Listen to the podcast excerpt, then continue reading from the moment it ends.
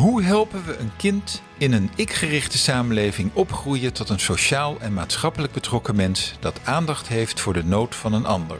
Hoe komen we tot meer onderlinge verbondenheid en meer verantwoordelijkheid voor elkaar? En hoe voorkomen we dat onze kinderen gaan behoren tot de groeiende groep slachtoffers van de huidige prestatiemaatschappij? Psychologen en auteurs Paulien Kuipers en Marilse Eerkens zijn ervan overtuigd dat het antwoord op deze vraag begint met serieuze aandacht voor de band die het jonge kind vanaf het begin kan opbouwen met veilige anderen. De ouders natuurlijk, maar ook de crashjuf en later de leerkrachten op school. In de podcastserie Van Ik naar Wij gaan zij op onderzoek uit naar wat dit betekent in de praktijk. Voor kinderen, voor ouders, eigenlijk voor iedereen die met kinderen omgaat. Welkom in de podcast van Ik naar Wij. In de vorige aflevering hoorden we van Bram Bakker dat die emotionele beschikbaarheid van ouders zo ontzettend belangrijk is voor de verdere ontwikkeling van een mens. Daarover gaan we vandaag doorpraten met Nieke Menke. Zij is lactatiedeskundige, infant mental health specialist en voormalig vroedvrouw. Zij staat eigenlijk aan de wieg van de ouder-kindrelatie na de geboorte en helpt waar mogelijk ouders en kind positief aan elkaar te verbinden. Welkom, Nieke. Voor we verder gaan praten, wil ik eerst even wat vooroordelen wegruimen. want bij, lactatiedeskunde, bij het woord lactatiedeskundige gaan bij sommige mensen de haren eigenlijk overal uh, overeind staan. Want die denken dan meteen, ah, daar heb je de borstvoedingsmafia. Maar daar moet jij volgens mij helemaal niks van hebben, toch? Nee, ja, het heeft geen zin. Je ouders willen hun baby gewoon voeden. Ja. En veel, ik denk veel moeders verlangen ernaar om dat ja, dicht bij de borst, aan de borst te doen. Ja.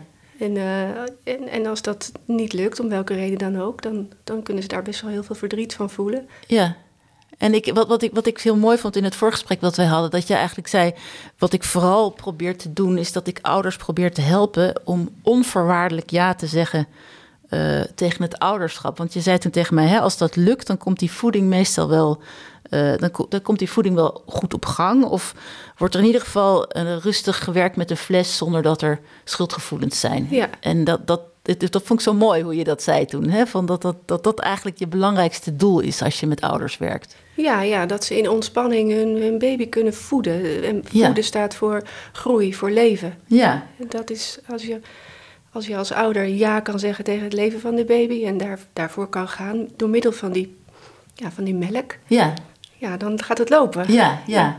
En, en want uh, daar hadden we toen ook even over. Hè, dat je zei dat onvoorwaardelijk ja zeggen is eigenlijk iets anders dan alleen maar liefde voelen. Want ik denk dat de meeste ouders wel, nou, bijna altijd, wel, ja, in sommige gevallen lukt dat niet helemaal, maar de meeste ouders zijn heel blij als een kind komt en die houden ontzettend veel van dat kind, maar die kunnen dan toch niet onvoorwaardelijk ja zeggen tegen dat ouderschap. Ik, ik, ik, weet van mezelf dat ik dat ook best een beetje ingewikkeld vond toen mijn oudste zoon net geboren was ja, ik, ik was, ik, ik, was ontzettend blij met hem. Maar ik vond het ook heel ingewikkeld allemaal. En ik weet dat mijn moeder op een gegeven moment tegen mij zei... volgens mij ben je helemaal niet helemaal gelukkig. En ik, ik weet dat, dat ik me heel erg schaamde toen ze dat zei. Dat ik dacht, oh jee, uh, ik doe het fout. En ik denk dat... Dus misschien dat ik ook nog niet onvoorwaardelijk ja kon zeggen tegen het ouderschap. Misschien, ik was nog relatief jong en ik was al de eerste van al mijn vrienden die een kind kreeg. Dus is, is dat iets wat misschien ook een rol speelt in dit verhaal?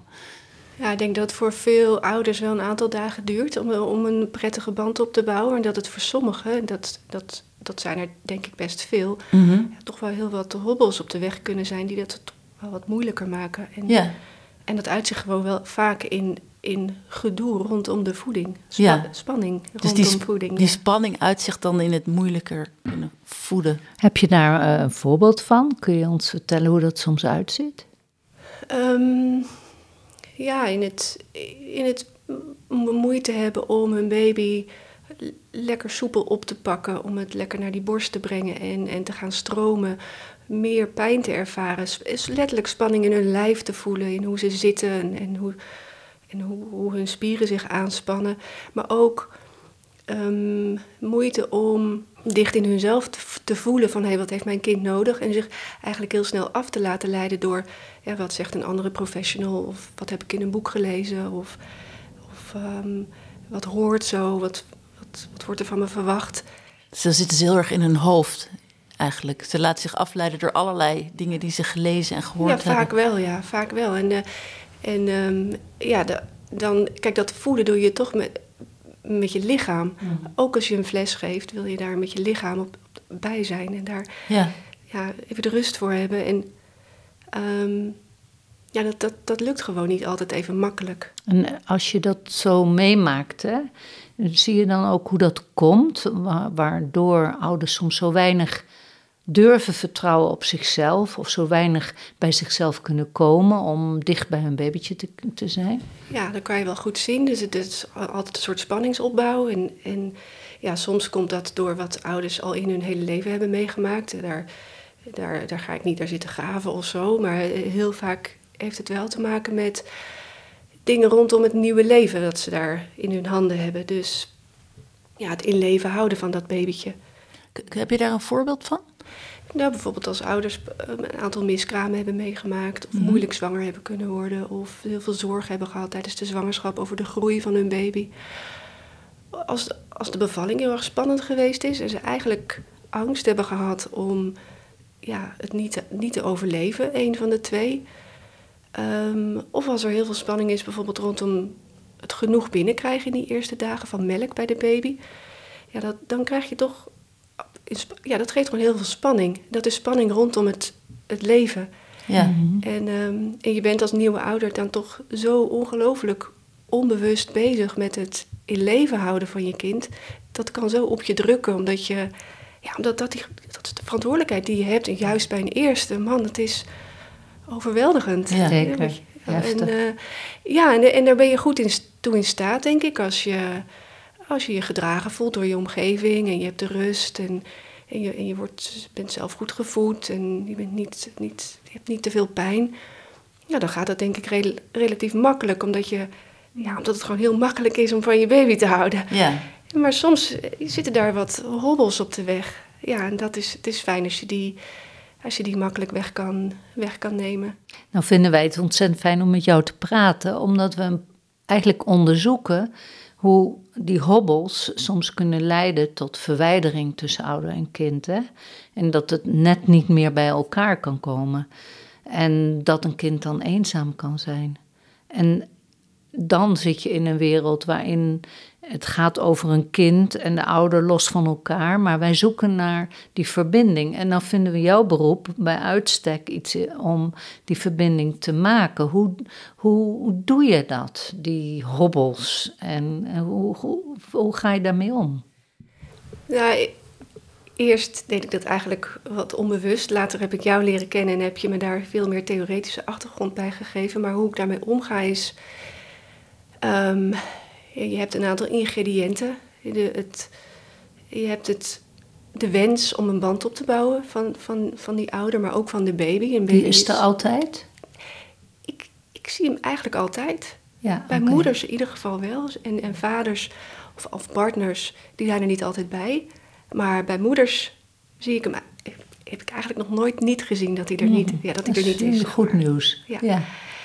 Eh, misschien dat hij ook geen lactatiekundige inhuren, dat zou natuurlijk kunnen. Maar, eh, ehm, ik, zie, ik, ik zie hem altijd wel. En ehm, ehm, nou, wat helpt is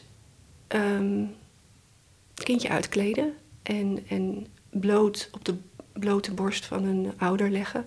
In mijn geval vaak de moeder. Ja, Als, als een ouder daar toestemming voor geeft en dat ook wenst.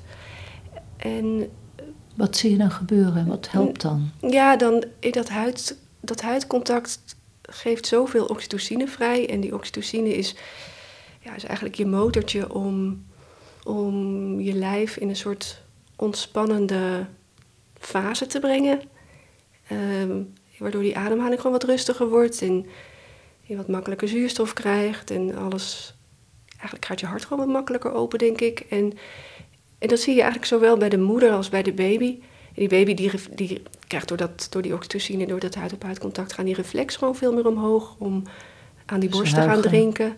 Ja, dus die wordt gewoon veel adequater om die borst te pakken en zichzelf aan te leggen en te gaan drinken. Dan gaat de melk stromen. En ehm, ja, dat, Sta- dat, staat iedereen ervoor open? Eh, alle ouders, ik bedoel, om dat te doen? Ja, het- misschien, ja, ja, degene die jij, die jou om hulp vragen, die staan daar waarschijnlijk wel voor open. Maar Ehm, ze staan niet altijd open voor het huid-op-huid contact of het drinken aan de borst. Maar ik, ik merk, ik vind toch eigenlijk wel dat ze altijd wel openstaan in het opbouwen van een band. Ja. En Maar als ze er niet voor openstaan, dan, dan, dan is, zijn de stresslevels gewoon heel erg hoog. En dan staan ze er nog niet voor open. Ja, ik, ik heb, ik, dat vond ik een keer interessant. Ik had een keer een artikel geschreven over een onderwerp, nou, wat hier, over, over hoe dat werkt, het opbouwen van een band. En ik kreeg daar een reactie op van een psycholoog die zei eh, dat. Ik, kan me voorstellen dat dat voor meerdere hoogopgeleide ouders geldt. Die zegt van ja, ik ben altijd heel erg in mijn hoofd geweest. En ik, nou, als je dan zo'n kind krijgt, dus een hele fysieke aangelegenheid. En eh, dan moet je opeens gaan praten tegen zo'n kind die niet terugpraat. En ze zei, ja, ik wist dat het belangrijk was, maar ik had er ontzettend veel moeite mee om dat te doen. Omdat ik dat, ja, dat, dat is nooit zo gestimuleerd. Of hè, wat, wat vooral gestimuleerd is, is je, je cognitieve capaciteiten. Is dat iets wat je, wat je misschien ook herkent? Is dat... Ja, ik herken het zeker, ja, zeker. Maar, maar, ja, ja, toch, het is een, ik denk die eerste weken zijn een window of opportunity om, om dat toch te gaan doen. En, ik, en als je het ter plekke eigenlijk voordoet of samen, samen doet tijdens een consult, dan zien ouders ook letterlijk dat hun kind daarop reageert. Die nodigt hen daarmee uit om ja, toch wel te gaan praten tegen een kindje. Of, Ja. eh, Want, want dan ga jij praten met zo'n kindje en dan leg jij dat contact en dan zien die ouders wat er gebeurt, dat zo'n Ja, kindje dat leuk vindt. Ja, bijvoorbeeld. Of je vraagt aan een ouder, zou je eens wat kunnen uitleggen. En soms, ja, soms vinden ze dat wel spannend. Maar met, een klein voorzetje doen ouders dat wel, ja. Ja. Maar soms zitten ook, eh, wat ik van mijn werk weet, eh, andere moeilijke dingen er soms tussen. Hè? Bijvoorbeeld een kindje is overleden. Ja. Of eh, de band tussen de ouders, vader en moeder, is niet goed. Ja. Of de verwachtingen van vader en moeder liggen heel verschillend. Ja. Eh, dan kun je wel huid op huid contact hebben. Je kunt ook praten met de baby. Maar het lijkt dan net alsof er toch nog iets meer tussen ouders en kind ligt als Ja. barrière. Ja. En merk jij dat ook in jouw werk? En in het kader van opruimen en emotionele beschikbaarheid is het zo fijn. Want hoe kunnen ouders zo'n barrière dan wegkrijgen? Want jij staat daar heel dicht op. Ja, ouders die kunnen dat wegnemen als ze daar de moed voor kunnen opbrengen. Want dat, is best wel, dat kan best wel spannend zijn. Door, ehm, door aan hun kindje te vertellen wat, wat zij samen hebben meegemaakt. En daar Ja. de woorden aan te geven. En dat, dat is wel onwennig, want het praten tegen een baby is soms al onwennig, zoals jij zegt. Maar ja. het praten over verdrietige dingen of, of angstige dingen is, is nog ve- veel onwenniger. Omdat je eigenlijk denkt, oh, waar zadel ik mijn baby mee op? Maar die baby die was daarbij, dus die, die, heeft, die heeft dat al meegemaakt.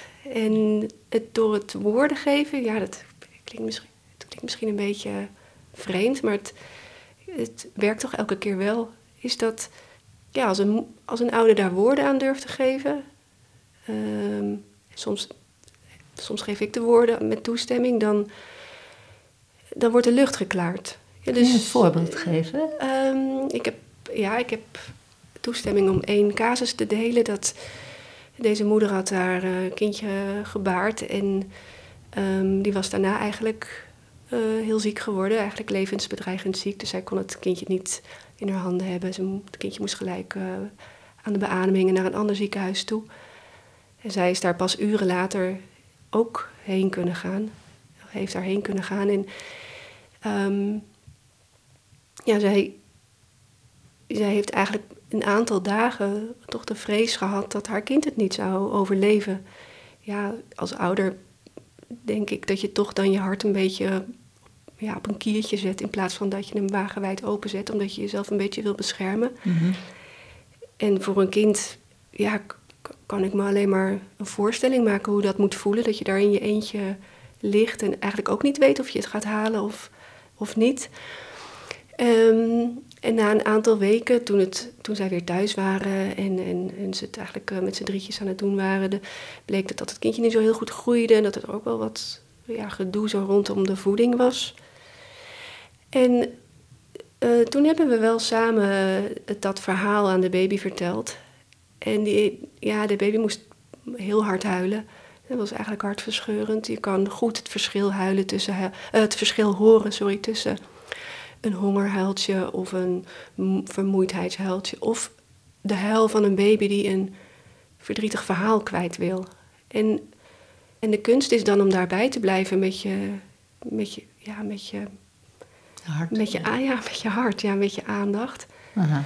Dat kon deze moeder, ongelooflijk moedig. En we hebben het verhaal verteld. En daarna ja, gaat als een soort golfbeweging, stopt het huilen uiteindelijk.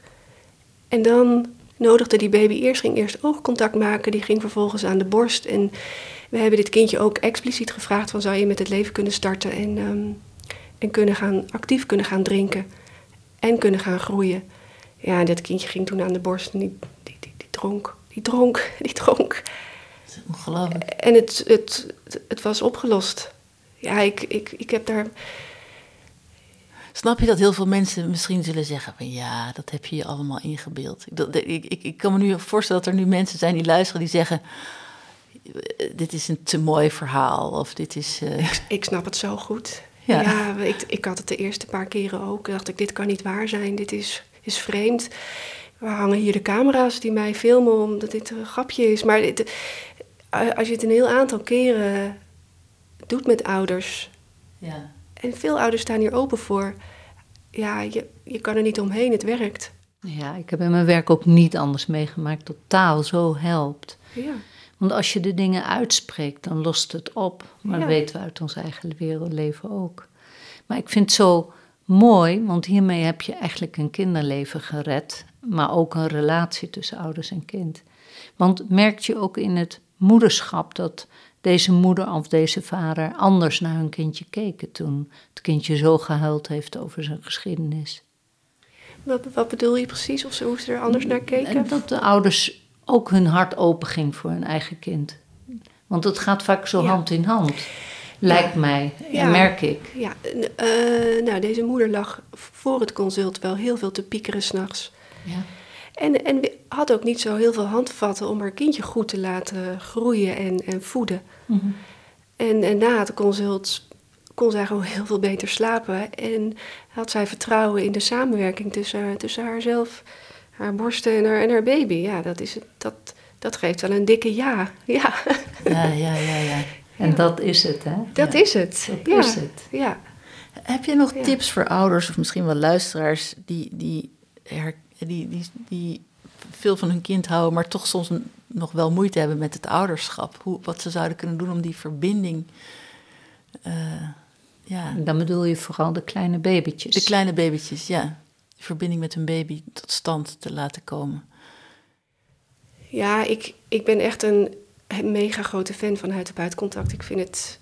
Huid-op-huid contact? Ja, ja je, het is zo makkelijk en goedkoop en beschikbaar. Ja. En, en het heeft zo ongelooflijk veel wetenschappelijk onderbouwde effecten, maar het is ook gewoon heel erg fijn.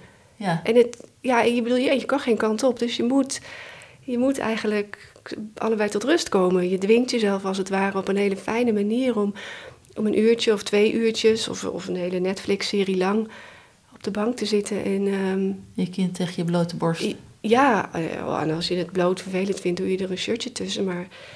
Uh, ja, maakt ja. niet zoveel uit.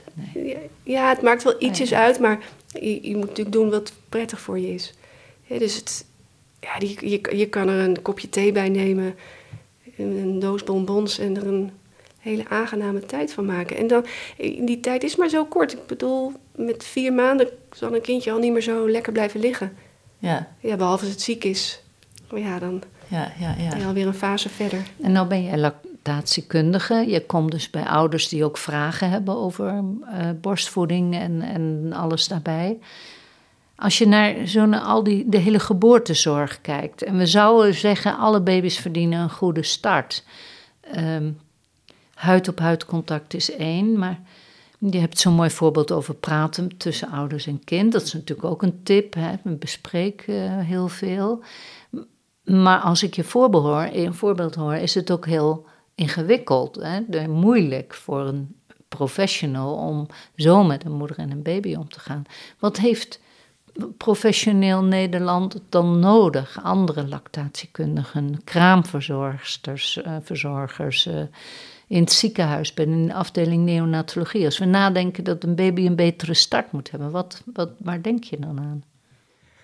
Um, ja, ik, ik denk als je baby's wil laten emanciperen, en ik hoop dat dat gebeurt in de komende jaren, dat het superbelangrijk is dat je je als professional die met een baby werkt, heel goed gaat inleven in een baby. Dus dat je, dat je echt gaat nadenken hoe, hoe zou dit voor dit kleine babytje geweest zijn om deze bevalling mee te maken? Wat heeft dit kindje gevoeld? Hoe zou het zijn om zo te verlangen naar je ouders en ze niet te kunnen. En, dat, en terwijl je je eentje in een couveuse lag, hoe zou het zijn om deze geluiden te horen? Hoe zou het zijn om zo te verlangen naar, naar een borst of een fles en warme melk?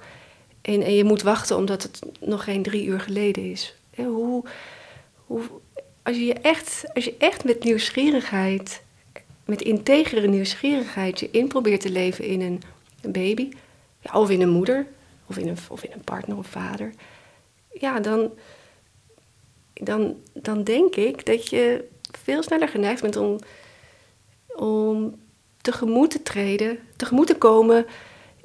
In, aan die mens. Ja, aan die mens. Ja, en, en, en dan is het simpel. Dan weet je, oh, wat heeft deze baby nodig? Ja, melk en liefdevolle, veilige armen. Nou, laten we die beschikbaar maken de hele tijd. In ieder geval de eerste maanden. Mhm. Ja, en dan, dan is het. Dan, dan, dan focus je je als het ware op de basis en niet meer zo op al die randvoorwaarden waarmee we het zo moeilijk maken voor ouders. Nee, je mag, er moet zoveel uur tussen zitten. Nee, je mag tien minuten daar, dan tien minuten daar. Niet in je bed nemen. Ja, niet in je bed. Nee, je moet uh, je moet eerst een luier en dan drinken. Nee, je mag nooit dat, want dan dat. Uh, wakkertijden, want anders dit. natuurlijk kun je als ouder je eigen shutje eroverheen gooien, hoe je het doet. Dat, ik denk dat zijn nuances, die maken uiteindelijk niet zo heel veel uit. Maar focus je nou toch eens op die basis. Op wat is nou echt belangrijk? Nou, dat is een, Om dat contact te maken. Ja, je, dat is een overvloed aan, aan oxytocine, aan, aan melk en aan... Inlevingsvermogen. ja, in vasthouden, koesteren. En, en ook je eigen lichaam daarmee. En uh, echt je aandacht beschikbaar maken voor die nieuwe mens. Ja. Ja, ja eigenlijk wat jullie volgens mij allebei zo leuk in jullie boeken beschrijven. Wat je, hoe, je een, hoe je goed ouderschap vormgeeft. Dus dat je eigenlijk goed aanvoelt wat een baby nodig heeft. En dat je daar ook goed op reageert. En dat je daar de tijd en de rust voor hebt. Dat je daar woorden aan geeft. Ik vind het zo prachtig dat je dat het emotion, uh, emanciperen van de baby noemt. Ja, vond ik ook een mooie term, ja. Dat is heel mooi. Omdat je daarmee aangeeft, de baby is echt alle mens. Dus gewoon een mens zoals wij allemaal, alleen in een andere fase van zijn leven. Of van haar leven. En door met aandacht er te zijn, krijg je connectie, krijg je contact en doe je ook het goede vaak. Ja, maar ook voor jezelf. En voor jezelf, voor het in het tussen. Ja, jullie hebben dus een hand, eigenlijk hebben jullie geschreven hoe je goed ouderschap vormgeeft. Maar in feite hebben jullie een handboek geschreven over hoe je goed met jezelf en andere mensen omgaat. Want je kan het veel breder trekken. En dat is een begin van een betere samenleving. ja. ja, er moet nog wel wat gebeuren, ook bij professionals ja, natuurlijk. Ja, maar daar begint het toch mee. Dat je je inleeft, dat je aanvoelt, hé, wat heeft dezegene nodig? Dat je daarop reageert, dat je daar de, tijd en de rust voor hebt. Hoe heb jij dat geleerd? Um, ik, ik heb wel veel... Ik heb wel ouders die wel veel van me houden. Um, ik heb ook heel wat hobbels gehad veel hobbels. Ehm, maar hoe ik het denk ik echt geleerd heb is ehm, door een hele lieve man te goede vinden. partnerkeuze. Een goede partnerkeuze. Ik heb een hele fijne compagnon. Ik heb hele lieve vriendinnen. En daarna heb ik mijn kinderen gekregen. Ja, die heb, die heb ik uitgebuit in het, in het knuffelen en bij me nemen en, en ervan houden. Ja, ook daarin heb ik mijn, uh, heb ik mijn foutjes gemaakt. Maar ik denk, zo heb ik het, heb ik het geleerd. Het duurde lang, maar ja, kan je best leren. Wat een hoopvolle boodschap voor alle mensen in Nederland. Dat als je liefde genereert naar de relaties om je heen. Dat je er zelf zo vervuld van raakt dat je het ook weer kunt doorgeven. En ook weer empathisch kunt zijn voor lieve kleine mensen die in je buurt zijn, in je omgeving zijn. Als jij denkt aan een betere wereld, wat, wat staat bij jou als tip op één? Van daar moeten we mee beginnen. Bram Bakker zei bijvoorbeeld, uh, we moeten beginnen met zelfzorg. Ja, ik denk dat dat, dus, dan kom je toch denk ik wel uit op compassie. Dus voor alles en iedereen en jezelf in het bijzonder. Ja. ja. Een beetje vriendelijk, vriendelijke compassie, ja. Ja, ja ik, ik zie geen uh, baby die, uh, die onaardig is. Die zie ik niet. Even iets heel anders. Hè? We, hadden het, we hebben het nu heel erg over moeders en baby's. Hoe, hoe zie je die rol van vaders? Hoe, hoe, hoe betrek je die vaders in dit hele voedingsverhaal? Gewoon precies hetzelfde. Ja? Ja. ja want die vaders kunnen niet voeden. Maar die spelen wel een belangrijke rol. Ja, vaders die kunnen, die hebben natuurlijk, die kunnen oogcontact maken, die kunnen knuffelen, die kunnen zingen voor hun kind. Ja. Die kunnen ook praten met hun kind, die kunnen ermee lopen. Die kunnen het een fles geven, die kunnen het laten zuigen. En die kunnen achter hun, hun partner gaan staan. Ik denk dat is wel heel belangrijk. Die partner is toch het allerbelangrijkste of zo'n die borstvoeding slaagt. Mhm. Die partner, zeg je, is het belangrijkste? Of ja, dat ja, die Kun je daar iets meer over vertellen? Want dat is wel een interessante stelling ja, als je een partner hebt die achter jou staat, die, die achter die, deze vorm van voeden staat, mhm. dan, dan is de, dan, dat, is, dat heeft veel meer effect dan, dan een lactatiekundige of een boek of een cursus. Ja. En jij maakt ook wel eens mee dat vaders er eigenlijk niet achter staan? Ja, dat denk ik zeker wel. Ja, ja en dat snap ik ook eigenlijk wel, want hoeveel vaders die zien hun vrouw niet pijn lijden met die, met die borstvoeding, oh, of onzeker zijn, of maken zich zorgen. En is vaak ook wel terecht over of hun kindje wel genoeg krijgt. Of, ja, of, of, of dus die hebben dan iets van: hou er nou maar mee op, we gaan nou aan die fles. Ja, ja, ja, ja, ja. En, uh, dat snap ik. Ja. Die, ook vaders willen dat, uh, dat hun kind goed groeit. Want wat groeien staat voor leven. Ja, ja. En, en, en, die, en die verbinding die, die die vaders maken met, die, met hun kind, is dat net zo belangrijk voor het opgang en voor die borstvoeding als dat die moeder die verbinding maakt? Of um, bedoel, je, je, je, je, leert je als moeder, je leert die moeders om nou, dat contact met hun kind te versterken. Uh, als, je, als je vaders dat ook meer leert, komt dat ook die borstvoeding ten goede? Ik, ik weet niet, ik denk dat, dat, dat die borstvoeding, als een partner achter die vrouw staat en, en eigenlijk ondersteunend is, dan komt dat die borstvoeding ten goede. Ja. Maar het, het zou nog leuker zijn als vaders ook borstvoeding konden geven. Dat, dan zou het echt uh, ja, gelijkwaardig zijn. Ja. Uh, zolang dat nog niet zo is, uh, de, ja, denk ik dat dat het voor in ieder geval een moeder heel, heel fijn is als het een gezamenlijke verantwoordelijkheid is. Ja. Dus als ouders allebei een dikke ja voor hun kind voelen. Ja. En, zich, en zich ook verantwoordelijk voelen voor, voor die baby. En, voeding is natuurlijk, ja, speelt daar een grote rol in. Maar ja, vaders moeten natuurlijk wat creatiever zijn in het opbouwen van een band. Omdat ze die, ja, die, die borstvoedingsjoker niet hebben. Ja. Je vertelde ook dat je in huis kwam bij eh, mensen met een andere culturele achtergrond. Zie je verschillen in hoe tussen het gemiddelde Nederlands gezin. Ja, het is natuurlijk heel moeilijk om te generaliseren, maar het, het leek mij wel interessant om te zien of, of, dat, of er nog culturele verschillen zijn als het gaat om borstvoeding bijvoorbeeld. Ja, ik denk bij veel vrouwen die in Nederland zijn opgegroeid, of die echt maar, zeg maar de Nederlandse cultuur hebben, die, ja, die doen het toch wat meer in hun eentje. Heel, soms is er wel een moeder die, die, ook, die ook aanwezig is. Dat is gewoon vaak wel prettig als, die, als zij een prettige relatie hebben. Mhm. Ik denk bij andere culturen, of Nederlanders met een andere culturele achtergrond, of ook wel bij, nou, bij expats is het anders. Uh, maar bij Nederlanders met een andere culturele achtergrond, ja, daar is die, daar is die familie speelt een veel grotere rol. Ja. We zijn vaak, veel vaker bij elkaar in huis. En ja, het is meer een, wat, ja, wat meer een groepsgebeuren in plaats van een alleen gebeuren. Ja.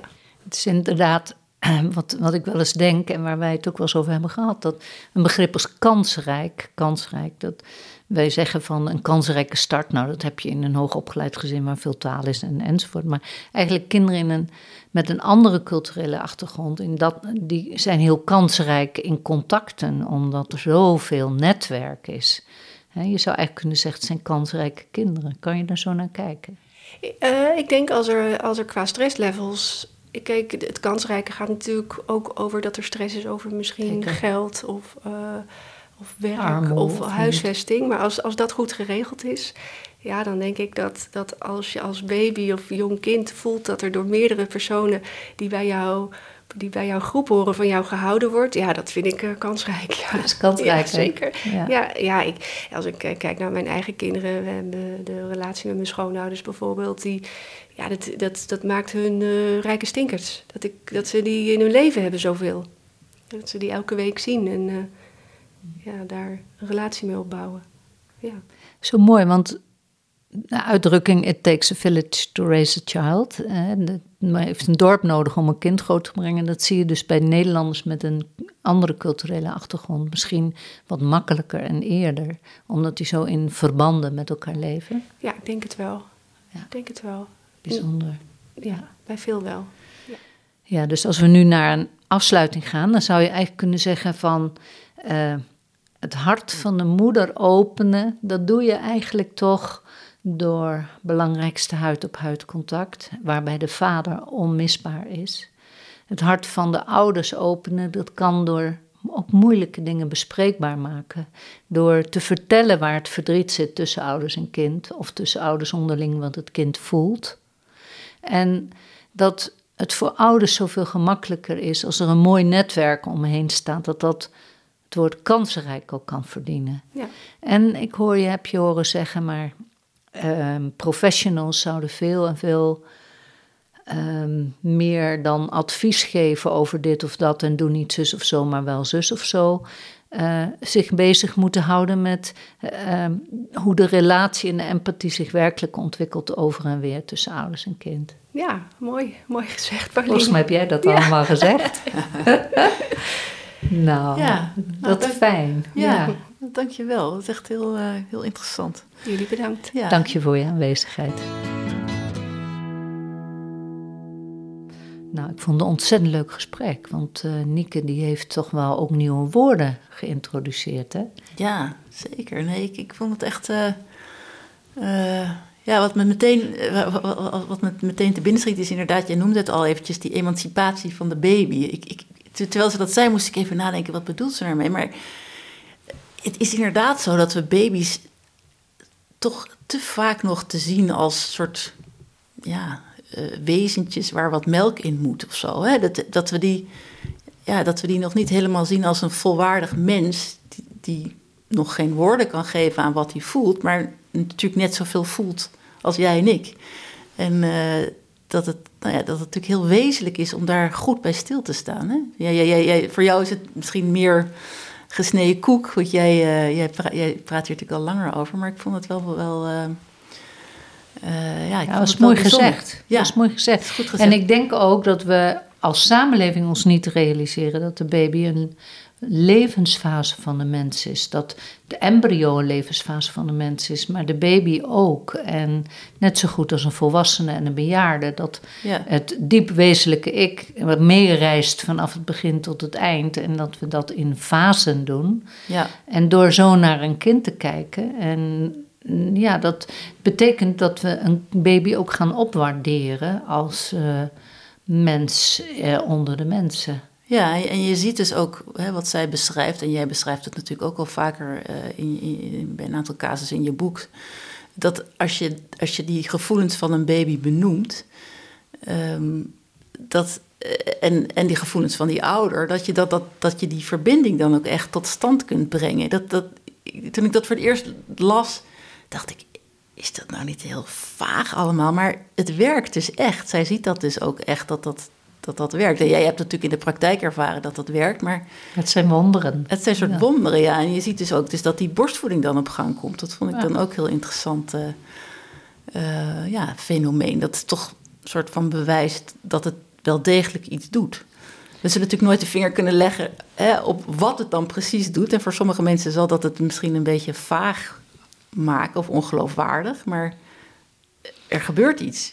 Ja, als je met de baby praat, open je het hart van de moeder. Maar als je met moeder en baby samen praat, dan haal je de brokstukken in de verbinding ertussen Ja. weg. Ja, En ik vond heel fijn dat ze ook zo benadrukte dat heel veel vrouwen worden heel onzeker van al die adviezen. Ja, Dat het daar helemaal niet in zit. Want het maakt allemaal niet zoveel uit of je het linksom of rechtsom allemaal aanpakt. Maar wat wel veel uitmaakt is of je volledig aandachtig voor je babytje kunt zijn. Of je kunt kijken hoe het kind in elkaar zit. En of je het kind kunt gaan snappen. ja. Hoe mooi is dat? Ja, ja en, en dat je daar dus ook echt aan kan overgeven. Want ik denk dat dat zeker bij een eerste kind soms nog best heel moeilijk is of zo. Dat je Ja. nog heel erg in je hoofd zit. En dit is zo'n fysieke, emotionele aangelegenheid. Dat kan nog best een beetje onwennig en vreemd voelen, denk ik, voor veel mensen in het begin. En dan kan dat huid-op-huid contact, wat ze zei, zo goed helpen. Ja, dat is natuurlijk ook een hele goeie, vond ik dat. Dus ja, Ja. Hoe, hoe, hoe simpel kan het misschien soms zijn, hè? Maar we openen wel ehm, een ik naar wij door een kind zo volwaardig als mens te zien. Dat we al van meet af aan dat zorgvuldig doen. En zo vol overgave, emotioneel betrokken, Ja, met empathie. ja. Dus ja, ik denk dat onze volgende stap naar een kinderdagverblijf, waar die kinderen vervolgens naartoe gaan, ja. een goede zou zijn, Ja, denk zou je niet? Ja, zeker. Ik zou het heel leuk vinden om met iemand, eh, een pedagoog van een kinderdagverblijf, te praten. Hoe zij dan, eh, ja, wat ze er nou aan doen om die verbinding tussen die andere opvoeders, zeg maar, en die kinderen eh, Te maken. Ja, te maken. We gaan op zoek. Ja, Tot de volgende keer.